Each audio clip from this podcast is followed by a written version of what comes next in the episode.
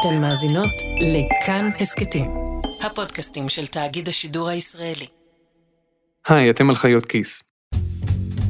בזמן שעבדנו על הפרק הזה, כל כך הרבה דברים השתנו, שאשכרה מצאנו את עצמנו מקליטים מחדש את הפתיח. ושוב, ככה זה כשהתחלואה עולה במהירות כל כך גבוהה, כשהמערכת הפוליטית נמצאת בקמפיין בחירות, וכשתהליך קבלת ההחלטות נהיה סבוך מאי פעם.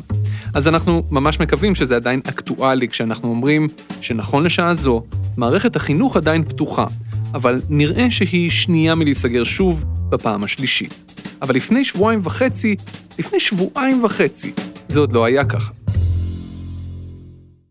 ביום ראשון לפני שבועיים וחצי, בשעה שמונה בבוקר, יותר משני מיליון תלמידים וכמעט 200 אלף מורים חזרו לבתי הספר מחופשת החנוכה.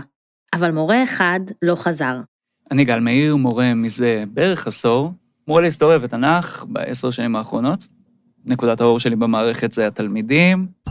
גל הוא מסוג האנשים שמגיעים לכל מקום עם תיק גב ענק, כאילו הם חזרו עכשיו מטיול בשביל ישראל. הוא גבוה ומטולטל, וכשהוא מדבר על הפרק שהוא הכי אוהב ללמד בתנ"ך, או על התלמידים שלו, יש לו ברק בעיניים שאי אפשר לפספס.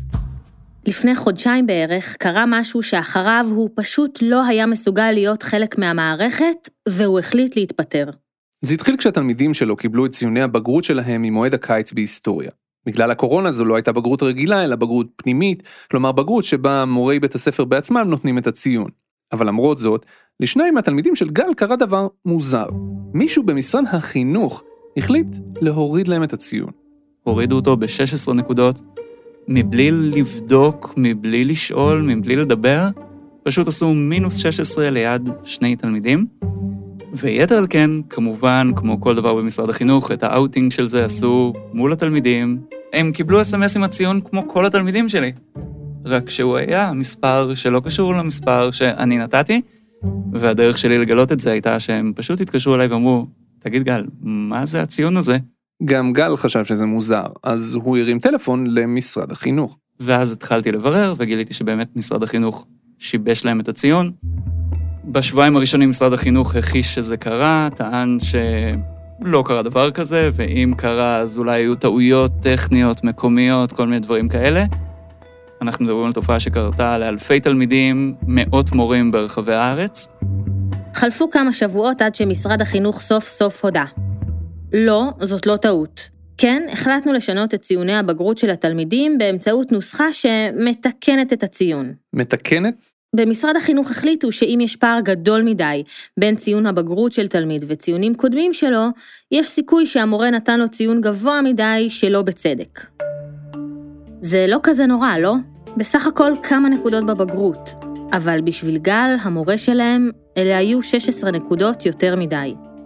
אני חוויתי את זה כחוסר אמון מוחלט של המעסיק, של משרד החינוך בי, גם הדרך שבה זה נעשה מול התלמידים שלי מבלי להגיד שום דבר, לקחת את המקצועיות שלי, את הציון שנתתי לתלמידים, ופשוט לחתוך אותו, זה הבעת חוסר אמון בי, במורים, באופן כללי. הסיפור של גל הוא סיפור של מורה אחד בבית ספר אחד, לא מאוד גדול, אי שם בצפון. אבל במידה מסוימת זה גם הסיפור של מערכת החינוך כולה. זה סיפור על מורים ומנהלים שמגיעים למערכת החינוך מלאים בכוונות טובות, מלאים ברצון לשנות מבפנים, לדאוג לתלמידים שלהם, לעשות את זה טוב יותר. אבל אז, פעם אחרי פעם, מורה אחרי מורה, הם מגלים שזה בלתי אפשרי. למה? כי משרד החינוך לא נותן להם. וזה לא בגלל שבבניין של משרד החינוך בירושלים יושבים אנשים רעים, ממש לא. אבל משהו באופן שבו המשרד מתנהל, משהו בשיטה עצמה, בניסיון של המשרד לשלוט על כל פיפס, גורם למורות ומורים כמו גל להרגיש שהם פשוט נרמסים מתחת לגלגלים. אני שאול אמסטרדמסקי. ואני שירה קדרי עובדיה, כתבת החינוך של הארץ. והשבוע בחיות כיס, שיעור לא חופשי. למה משרד החינוך מחזיק את המערכת באופן כל כך ריכוזי בלי לשחרר? מה יקרה אם תהיה יותר אוטונומיה לבתי הספר? והאם מה שקורה בימים אלה הוא התחלה של שינוי כיוון?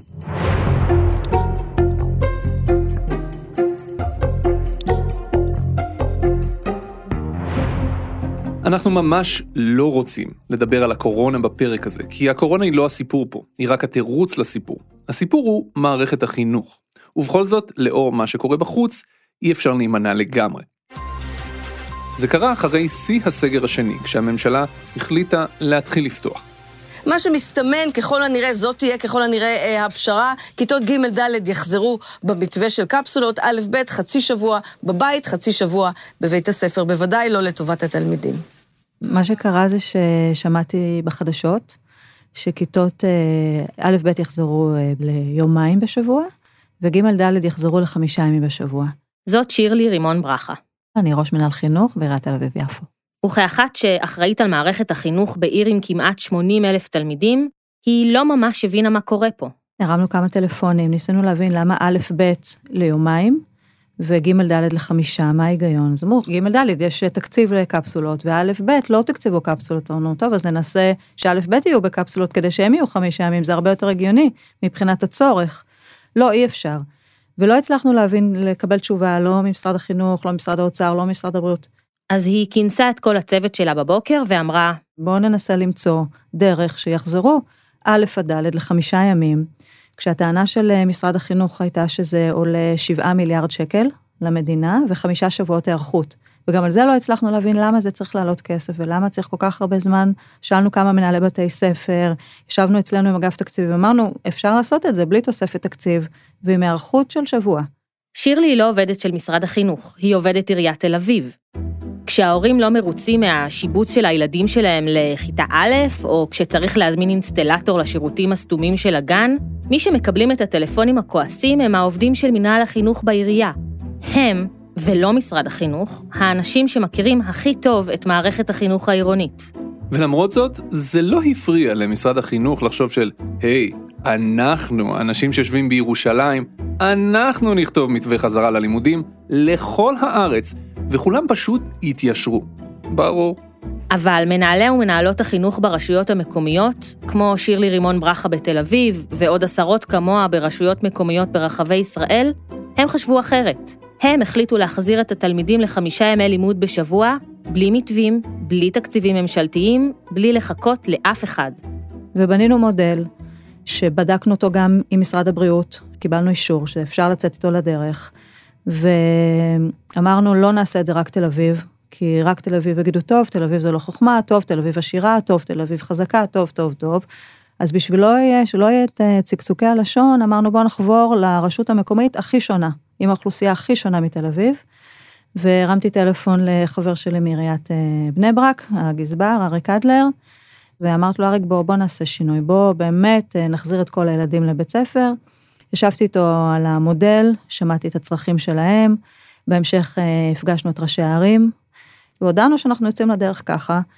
כמובן, מיד קראנו לעוד רשויות, מלא רשויות הודיעו שהם הצטרפו, שהם בטח, הם יכולים גם לפתוח חמישה ימים בלי תוספת תקציב ובלי היערכות. והפלא ופלא, אחרי יומיים משרד החינוך גילה שהוא גם יכול להחזיר לחמישה ימים. איך קרה הנס הזה? איך פתאום עשרות רשויות מקומיות העזו למרוד ככה במשרד החינוך הכל יכול? הקורונה, התסכול של ההורים, העובדה שזה כבר סגר שני, אוזלת היד הכללית של הממשלה בניהול המגפה הזו, כל אלה נתנו לרשויות המקומיות מומנטום לעשות את מה שהן רצו לעשות כבר הרבה זמן. ללמד את משרד החינוך שהגיע הזמן קצת לשחרר ולתת יותר אוטונומיה לשטח. אני חושבת שהמילה אוטונומיה היא מלחיצה יותר מדי גורמים, ואפשר להסתפק בשיקול דעת רחב. אם אפשר פשוט לתת למנהלי בתי ספר שיקול דעת, ולא לתת להם מתווים סגורים, שבהם אין להם שום גמישות ושום מרחב יצירה. זה כל מה שעשינו פה, הפעלנו שיקול דעת, בדקנו עם אנשי מקצוע בשטח, וראינו שזה אפשרי, וזהו. כמה זמן זה לקח? שעתיים. מה? שעתיים. ככה. מה שלקח לשירלי ולצוותים שלה שעתיים ולא דרש תוספת תקציב בכלל, היה אמור לקחת לפי משרד החינוך חמישה שבועות לפחות, ולעלות שבעה מיליארד שקלים. לפחות. רק אחרי שהשטח אמר את שלו, משרד החינוך התקפל לחלוטין, ואימץ את המתווה שנכפה עליו, כאילו זה היה המתווה שלו מלכתחילה. הסיפור הזה חזר על עצמו פעם אחר פעם בתקופת הקורונה. משרד החינוך פרסם מתווה, השטח התקומם, הציע משהו אחר, ורק אחר כך משרד החינוך נזכר שאופס, זה פשוט לא עובד ככה. בתי הספר בישראל כל כך מגוונים, כל כך שונים אחד מהשני, ויש להם משאבים וצרכים אחרים לגמרי. אם בתחילת המגפה משרד החינוך פרסם מתווים ועוד מתווים, הנחיות ועוד הנחיות, עד רזולוציה מטורפת של לרשום במערכת השעות לדוגמה שהם הוציאו באיזה שעה הילדים אוכלים תפוח, ואני לא ממציא את זה. עכשיו, בסגר השלישי, זה כבר לא ככה. זה כבר לא ככה, כי משרד החינוך קיבל שיעור מהשטח, מהרבה רשויות מקומיות ומנהלי ומנהלות בתי ספר, שהחליטו בשנה האחרונה שהם מפסיקים לחכות להוראות מלמעלה. זה לא שהם פרקו כל עול, הם המשיכו לשמור על הנחיות משרד הבריאות. אבל במקביל הם התחילו להשתמש בשיקול הדעת העצמאי שלהם כדי לנהל את המערכת טוב יותר.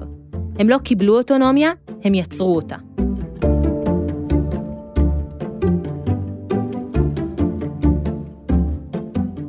השנה האחרונה הייתה שנה לא רגילה, ובשנה לא רגילה קורים דברים לא רגילים, גם במערכת החינוך. בימי שגרה, הסיפור אחר לגמרי. מערכת החינוך בנויה כמו איזה עץ משפחה ענק, ממש ענק, שקשה מאוד לעקוב אחריו. שאול. כן.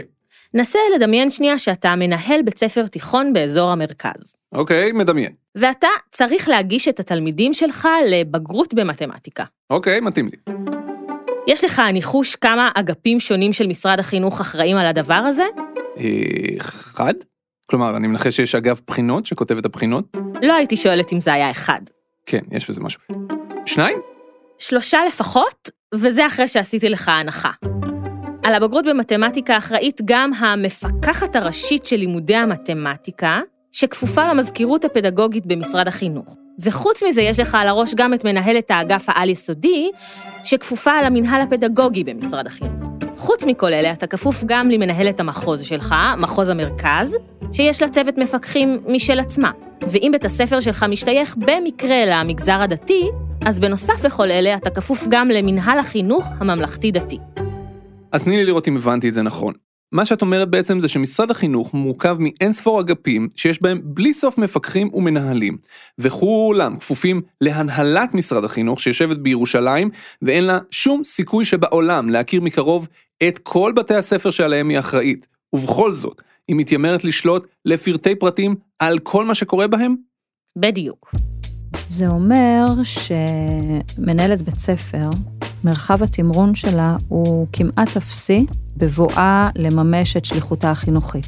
זאת שוב שירלי רימון ברכה מתל אביב. היא מקבלת תוכנית לימודים סגורה, היא מקבלת uh, מערכת שעות סגורה, היא מקבלת משרות הוראה סגורות, איזה שעות, כמה תלמידים בכיתה, היא מקבלת סילבוסים של uh, מבחנים ושל תוכניות. זאת אומרת, בסוף אפשר גם, לצורך העניין, שלא תהיה מנהלת בית ספר, והבית ספר יתנהל לפי מה שהמשרד מלמעלה קובע. בכל שנה מנהלי בתי הספר מקבלים מסמך שנקרא מתנה. מתנה? מתנה זה מסמך תכנון, ניהול והיערכות. המסמך הזה הוא קצת כמו אבני הבניין של בית הספר, כפי שהמשרד מגדיר אותן, לא בית הספר עצמו. יש בו פירוט של כמה שעות הוראה בית הספר מקבל, מה יהיו מקצועות הלימוד שהוא ילמד, מה מטרות הלמידה וכל שאר הדברים שמכתיבים איך תיראה שנת הלימודים. המסמך הזה זהה לכל בתי הספר. עכשיו, צריך לומר ביושר, מסמך מתנה כן מסביר למנהלים איפה יש להם גמישות מסוימת. למשל, הם יכולים להחליט אם לפרוס את שעות המתמטיקה על פני שלוש שנות התיכון באופן שווה, או ללמד קצת פחות בכיתה י' והרבה בכיתה י"א. אבל מלבד הגמישויות האלה בשוליים, כל היתר מוכתב מלמעלה. שלא לדבר על אינספור הטפסים, הנהלים וחוזרי המנכ"ל שמשרד החינוך מוציא בקצב, והמנהלות והמנהלים בשטח צריכים לעמוד בהם. ואני מודה שזה מטריד אותי מכל מיני סיבות. גם כי אני חושב שזה קצת מנוון את המערכת, וגם כי אני חושב שאין סיכוי בעולם שמה שקובעים הפקידים בירושלים יהיה יותר טוב ממה שכל בית ספר היה מחליט לעצמו, בתוך גבולות גזרה מסוימים. וגם כי ברמה העקרונית, זה חינוך. אם אנחנו מנסים לחנך את הילדים שלנו, להיות פתוחי מחשבה, להיות גמישים, יצירתיים, ביקורתיים, כל הדברים האלה, אז למה מערכת החינוך, המערכת שמתיימרת ללמד אותם את כל הערכים האלה, למה דווקא היא מתייחסת לכוח האדם שלה כאל חיילים בצבא שלא יכולים לסטות במילימטר ממה שאומרים להם לעשות? מערכת החינוך בישראל היא מהריכוזיות ביותר ב-OECD. כלומר, רוב ההחלטות שנוגעות לחינוך מתקבלות אצלנו על ידי משרד החינוך עצמו. בהולנד, למשל, כמעט כל ההחלטות מתקבלות ישירות על ידי בתי הספר. בפינלנד, ההחלטות מתקבלות בשיתוף כל השחקנים על המגרש, בתי הספר, הרשויות המקומיות והממשלה. לפי מחקר של המכון הישראלי לדמוקרטיה ב-2019, יכול להיות שמשרד החינוך שלנו ריכוזי כל כך, כי הוא הוקם על האתוס של כור ההיתוך, המקום הזה שנכנסים אליו כדי להפוך להיות חלק מגובש מהחברה הישראלית. זה לא משאיר יותר מדי מקום לרצונות ולצרכים השונים של כל בית ספר או של כל תלמיד ותלמידה, למעט החלוקה לממלכתי, ממלכתי דתי וחרדי. נכון, והתפיסה הזו משנות ה-50 קיבעה הרבה דברים שממשיכים להיות רלוונטיים עד היום. למשל, מנהלי בתי הספר הם לא באמת המנהלים של המורים. הם לא המעסיק שלהם, אין להם שום יכולת להחליט מה יהיה גובה השכר של המורים, וגם אין להם יכולת לפטר אותם. מנהלת בית ספר יכולה להחליט, למשל, שהיא נותנת למורות הטובות יותר להיות מחנכות כיתה, או רכזות שכבה, אבל זה לא ישפיע יותר מדי על השכר שלהן. הרכיב העיקרי שמשפיע על שכר המורים הוא הוותק. אגב, אם בא לכם לשמוע עוד על איך נקבע שכר המורים, אתם מוזמנים לחפש את פרק 153 של חיות כיס, למה למורים יש כל כך הרבה חופש. מה שמעניין זה שהפיקוח האינסופי וההנחיות האינסופיות לא באמת מוכיחים את עצמם במבחן התוצאה. ההישגים של התלמידים בישראל לא משתפרים בהשוואה בינלאומית, והפערים בין התלמידים החזקים והחלשים לא מצטמצמים, ובחלק מהמקרים אפילו מתרחבים. עכשיו, אפשר לומר שצריך להוסיף עוד כסף למערכת, אבל האמת היא שתקציב החינוך נמצא בעלייה בשנים האחרונות. בעשור האחרון תקציב משרד החינוך הוכפל, מ-30 מיליארד שקלים בשנה ל-60 מיליארד שקלים בשנה, לא כולל מערכת ההשכלה הגבוהה. באותו עשור, תקציב המדינה כולו גדל ב-60% בלבד. כלומר, תקציב משרד החינוך גדל מהר יותר מאשר תקציב המדינה כולו. חלק מהעלייה הזו היא בגלל הגידול הטבעי באוכלוסיית התלמידים, זה נכון, אבל זה לא רק זה. גם התקציב שמושקע בכל תלמיד ותלמידה עלה בהתמדה לאורך השנים. גם שכר המורים עלה. לאורך השנים נוספו למערכת גם עוד שעות לימוד. היום תלמידים בישראל לומדים יותר שעות מהממוצע ב-OECD. אבל כל התוספות האלה לא מצליחות להביא לשינוי אמיתי. ואני כל הזמן שואל את עצמי, איך זה יכול להיות? איך זה יכול להיות שאנחנו משקיעים כל כך הרבה כסף במערכת החינוך, עד כדי כך שתקציב החינוך הוא כבר בגובה של תקציב הביטחון, ממש ראש בראש, ועדיין התוצאות די בינוניות. למה זה קורה? זה קורה מכל מיני סיבות, אבל בין השאר כי קשה מאוד להשאיר מנהלים ומורים טובים במערכת.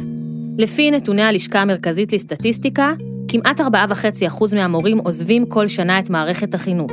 הנתון הזה נכון לפחות לשנת 2016, השנה האחרונה שיש לגבי הנתונים.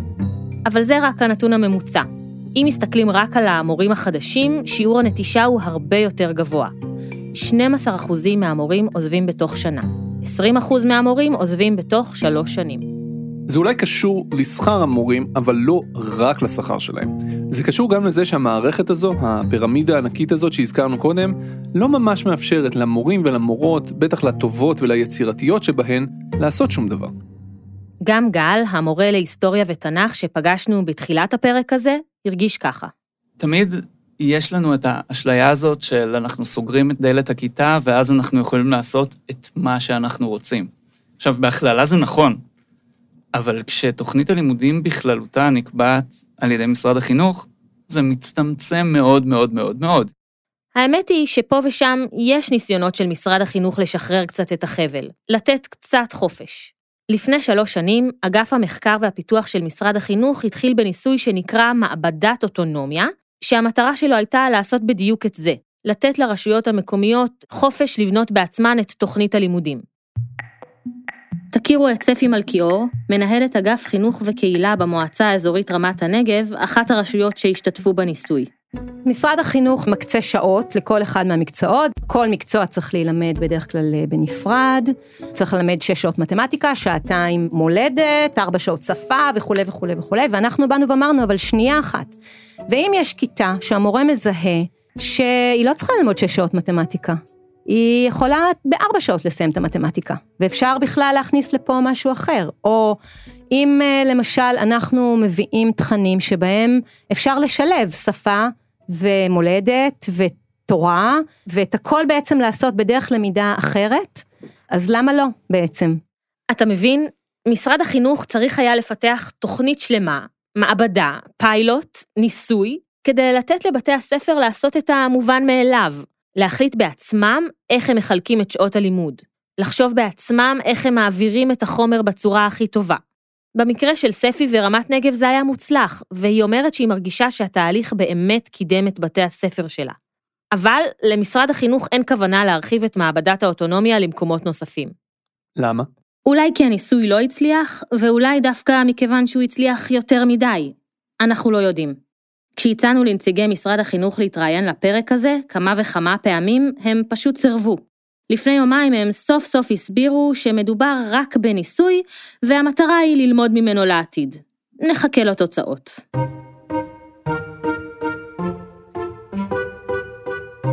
בכלל, נראה שזה דפוס קבוע. אחת לכמה שנים מישהו במשרד החינוך קם ומציע לשחרר. לתת עוד חופש, כדי שהלמידה תהיה איכותית וטובה יותר. גל בעצמו, למשל, הצטרף לפני כמה שנים לתוכנית ייחודית בתנ"ך, שמאפשרת למורים להחליט בעצמם איך ומה הם מלמדים. או לפחות זה מה שהיא התיימרה לעשות. תוכנית שעל הנייר באה לבתי הספר ואומרים, תגישו לנו את תוכנית הלימודים שלכם, את תוכנית הערכה שלכם, ונדבר על זה. ישבנו צוות תנ"ך שבועיים מהחיים, יומם ולילה, באמת. עשינו סוג של סמינר, בואו נכתוב תוכנית לימודים. יצאנו עם תוכנית לימודים, מבחינת הדרישות הדיסציפלינריות שלה, הן לא נופלות מתוכנית הלימודים הרגילה. מבחינת דרישות הערכה שלה, הן לא נופלות מתוכנית הלימודים הרגילה, רק עשינו את החטא החמור. בחרנו בפרקים אחרים בתנ"ך מאלה של תוכנית הלימודים הרשמית. ואז הגיעו נציגי משרד החינוך לפגוש אותם כדי לאשר את התוכנית. הם קראו אותה ואמרו, וואו, איזה תוכנית יפה ומושקעת, יש פה רעיונות מעולים. אבל זה לא תואם את תוכנית הלימודים של מדינת ישראל, אנחנו לא מאשרים את זה כך. אתם יכולים להגיש לנו מחדש את תוכנית הלימודים, כשלפחות 95% מהפרקים זהים לתוכנית הלימודים הרגילה. מה שגל מתאר כאן לטעמי מאוד מאוד מתסכל. לדעתי כבר עדיף שלא היו נותנים אוטונומיה בכלל, במקום לתת פייק אוטונומיה. ואז שאלתי, אז למה לנו לעשות את זה? כי הרי בסופו של דבר, אתה רוצה ללכת לתוכנית כמו חלוצי הערכה כדי להגדיל לעצמך את האוטונומיה. ואז באים ואומרים, אין באמת אוטונומיה, האוטונומיה היא מדומיינת. לפעמים יש איזשהו חשש מאובדן שליטה, או חשש מלתת אמון. אני לא יודע להסביר אותו, זה חלק מה-DNA של המשרד בהרבה מאוד תחומים. בגדול, בכל הדוגמאות שנתנו, הדפוס חוזר. אנחנו מפחדים לתת אמון, אנחנו מפחדים לתת אוטונומיה, אגב, גם לתלמידים וגם למורים. מבחינתו של גל זה לא חייב להיות ככה. משרד החינוך יכול להישאר בשליטה מסוימת, אפילו ברוב השליטה, ועדיין לשחרר אחוזים ניכרים של חופש פעולה לשטח, למורים ולמורות עצמם. כולם היו מרוויחים מזה. אז יש בסופו של דבר מדינת ישראל, והיא קובעת את התוכן. עכשיו, אני לא בא לחלוק על זה. העניין הוא שכשאתה לא מאפשר שום שוליים, אז זה יוצר דברים שהם קשים. לא היה קורה שום דבר אם מדינת ישראל הייתה מגדירה את התוכן ב-70% מתוכנית הלימודים, והייתה אומרת ב-30% מתוכנית הלימודים, שכל מורה יבחר פרק בהיסטוריה וילמד אותו, או 15 פרקים בתנ"ך, וילמד שם מה שהוא רוצה. לא היה קורה כלום.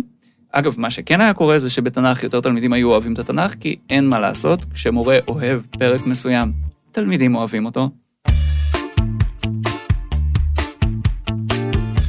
כשעבדנו על הפרק הזה גילינו דבר די מדהים. הדיון הזה שאנחנו מקיימים פה עכשיו על ריכוזיות ושליטה ואוטונומיה למורים ולמנהלים והמנהלות, הדיון הזה מתקיים במשרד החינוך כבר 50 שנה לפחות. עכשיו, אני מודה הנתון הזה מאוד מאוד הפתיע אותי, כלומר, אני הכרתי שהיה איזה פיילוט בחיפה ובתל אביב בתחילת העשור, אבל שירה, את הלכת ומצאת מועדים הרבה, הרבה יותר מוקדמים, שהדיון הזה על אוטונומיה עלה בהם על סדר היום.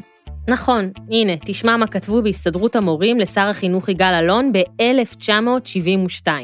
במחנה המורים נתגלו בשנים האחרונות סממנים של לאות, אדישות ואף מרירות. גרמו לכך גם הסדרים הקיימים במערכות החינוך בישראל.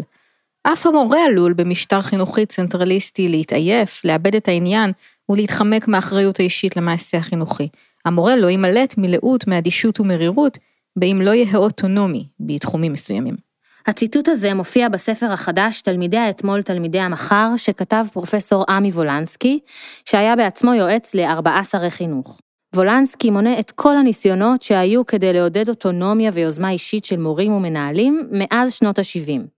אם יש משהו אחד שלמדתי בתור כתבת חינוך, זה שהבעיות הכי בוערות שלנו בהווה בעצם מלוות את המערכת כבר עשרות שנים אחורה. ואם נדמה לנו שרפורמה אחת יכולה לתקן אותן, נגלה די מהר שזה הרבה יותר מסובך מזה. או כמו שגל, המורה האידיאליסט שלנו, הסביר, זה אולי עובד על הנייר. במציאות, למשרד החינוך עדיין קשה מאוד מאוד לתת חופש אמיתי למורים ומנהלים.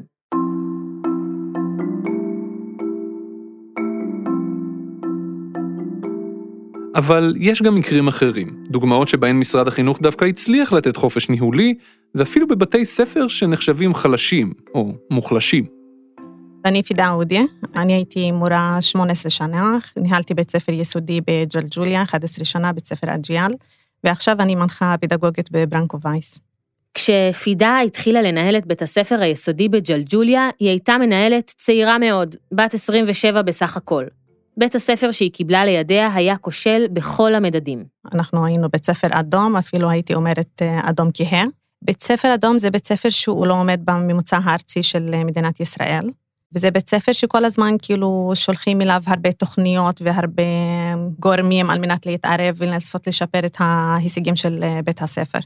שהממוצעים שלנו לא עברו את ה-40. התלמידים שלנו היו עם הרבה בעיות התנהגות, וזה התבטא באמת ברמת ההשתייכות שלהם לבית הספר, שהייתה מאוד מאוד נמוכה, בהתנהגויות של ונדליזם בתוך הבית ספר. במשרד החינוך רצו מאוד לעזור לבית הספר הכושל שפידה קיבלה. הם רצו להתמקד בתוספת שעות לימוד, בתגבורים, אבל פידה הבינה ששורש העניין לא קשור לציונים וגם לא ללימודים. הבעיה מתחילה הרבה קודם. אנחנו חברה שאנחנו נמצאים במקום מאוד קשה מבחינת אה, המצב החברתי שלנו, המיצוב שלנו בתוך המדינה. התלמידים שלנו, אם אנחנו מדברים על השאיפות שלהם לחיים טובים יותר, הילדים שלנו כאילו נולדים מתוסכלים, משפחות מאוד מתוסכלות. אנחנו הפסקנו לחשוב על, אוקיי, מחר הוא יהיה יום טוב יותר. פידה הבינה שהיא צריכה להתעלם בתור התחלה מלוח הכפל או מאוצר המילים באנגלית, ולהתמקד במשהו שונה לגמרי, בצד הרגשי של החינוך. הבנו שהתלמידים שלנו גם לא יודעים לנהל את הרגשות שלהם, קשה להם מאוד, אה, כאילו בזמן שהם שמחים, עצובים, יש להם כמעט אותן הבעות פנים, אותן התנהגויות. ומשם גם התחלנו לפתח תוכנית ייחודית בבית הספר של שיח רגשי. המהלך הזה בהתחלה כאילו היה מאוד קשה להסביר אותו לאנשים, להסביר אותו למשרד החינוך. אני זוכרת שבפגישה שלי עם המפקח, הוא אמר לי, כאילו, אתם בית ספר אדום, ההישגים שלכם מאוד נמוכים. אז במקום לתת שעות לשיח רגשי, תנו עוד אה, שעות של תגבור במתמטיקה ובשפה. ובהתחלה כאילו האנשים לא הבינו מה, מה, למה אנחנו הלכנו לשם. וגם ב, להורים היה להם קשה, כאילו אמרו, אתם מבזבזים את הזמן של הילדים שלנו, תנו להם יותר uh, מפגשים של uh, תגבור והעשרה. אבל פידה לא ויתרה. בניגוד למה שאמרו לה במשרד החינוך, היא החליטה להתמקד במה שהיא וצוות המורות שלה זיהו בתור הבעיה הגדולה של בית הספר. אז היא השקיעה את הזמן והמשאבים במה שהיא ראתה לנכון. בהתחלה היה מאוד קשה לשכנע את המימונים עליי, שאני צריכה את האוטונומיה ואת המרחב הזה. אני גם יכולה להבין, כאילו, המפקחים שלנו, אם היו אותם תלמידים שחוו אותם מורים בעבר, מערכת החינוך המאוד מסורתית, וגם היתר פיקוח והריכוזיות של משרד החינוך, גם כמפקחים חווים את זה. ואז היה להם מאוד קשה בהתחלה להבין כאילו מה אנחנו עושים ולשחרר. לאט לאט דברים התחילו לזוז. לא רק שהאווירה בבית הספר השתפרה, גם ההישגים הלימודיים עלו מאוד תוך זמן קצר. אחרי ההצלחות שלנו ואחרי שהתחלנו לשפר את ההישגים שלנו, הם ממש כאילו האמינו בנו ונתנו לנו את המקום הזה של לחשוב על עוד יוזמות ולהמשיך בפיתוחים שלנו. ואת חופש הפעולה והאוטונומיה שהיא קיבלה מלמעלה, פידה והצוות שלה גם העבירו הלאה, לתלמידים ולתלמידות. שלקחו יותר אחריות על סדר היום בבית הספר, ובעצם גם על הלמידה שלהם. אז um, הבית ספר הפך להיות בית ספר uh, ירוק, שזה בעשרון העליון מבחינת ההישגים במדד הארצי. ההישגים של בית הספר מאוד גבוהים. אני חושבת שאיך שאומרים, הדרך לגיהנום אה, רצופה בכוונות טובות. אז הכוונות הטובות של בואי נעזור לבית ספר שהוא נמצא במצב של הישרדות, שאנחנו מכניסים עוד גורמים ועוד גורמים, זה דבר שדווקא יכול לשקף לבית הספר שאני במצב מאוד אה, קריטי, שאני לא יכול להתקדם. זה שם את הבית ספר במקום מאוד פסיבי, שאני צריכה את ה... גם אנשים מלמעלה, גם את הפריבילג שיבוא ויגיד לי מה אני צריכה לעשות ואיך אני צריכה לעשות. זה מחזק את המקום שלי של להיות פסיבית. ודווקא אני חושבת שבתי ספר אדומים, הם צריכים מישהו שיעזור להם לחשוב, להפוך לארגון לומד, ארגון שהוא כל הזמן מפעיל חשיבה רפלקטיבית, ולא לאנשים שהם באים ושולפים להם כלים. ובתקופה האחרונה אני רואה שבאמת שבמשרד החינוך משלבים הרבה גורמים שהם מקצועיים בהובלת בתי ספר אדומים. ואני רואה איך שיש גם שינוי בתפיסה לגבי בית ספר אה, אדום. מה היה קורה לו משרד החינוך היה מחליט באמת, לא בכאילו, שהגיע הזמן להתפרק מהכוח הריכוזי שלו, לפרק את מערך המפקחים האינסופי שלו, להפסיק לקבוע לבתי הספר באיזו שעה התלמידים יאכלו תפוח, ובמקום זה, לקבוע כללי מסגרת, למשל, מהם מקצועות הליבה. לקבוע סט חכם של מבחנים שימדדו את היכולת של בתי הספר לעמוד בכללי המסגרת האלה, ואז לתת אוטונומיה אמיתית לשטח. מה היה קורה אז? הזכרת כללי מסגרת, ואני חושבת שזה בדיוק המפתח. בעיניי לא צריך להתאהב יותר מדי במושג אוטונומיה. איך אמרה שירלי? אני חושבת שהמילה אוטונומיה היא מלחיצה יותר מדי גורמים, ואפשר להסתפק בשיקול דעת רחב. כבר אמרנו שבתי הספר בארץ שונים מאוד אחד מהשני. ודווקא בגלל זה חשוב לדעתי שתהיה לנו מערכת חינוך ממלכתית וציבורית, כזו שלפחות משתדלת שלכל הילדים בישראל יהיה איזשהו בסיס משותף של ידע ויכולת. לכן, גם כשמדברים על יותר חופש לשטח, לבתי הספר, צריך לעשות את זה בצורה חכמה. למשל, לוודא שלא נפתחים פערים גדולים מדי בין מי שיכול להרשות לעצמו לקנות חינוך טוב ובין מי שלא. לעזור לבתי הספר שזקוקים לעוד הכוונה וליווי. ואולי בסופו של דבר הקורונה וההתקוממות מהשטח שראינו בחודשים האחרונים יעשו את השינוי שלא הצליחו לעשות שורה של ועדות מקצועיות ושל שרי ושרות חינוך בחמישים השנים האחרונות. ואולי אז גם המורה גל יחזור סוף סוף ללמד. משרד החינוך מאוד בקלות יכול לבוא להגיד, טעינו, אנחנו בני אדם, מתנצלים, סליחה, פעם הבאה תהיה הידברות, תהיה שיח, והנה אנחנו עושים control Z להכל. ואז אני ישר הייתי עושה control Z למכתב ההתפטרות שלי, באמת.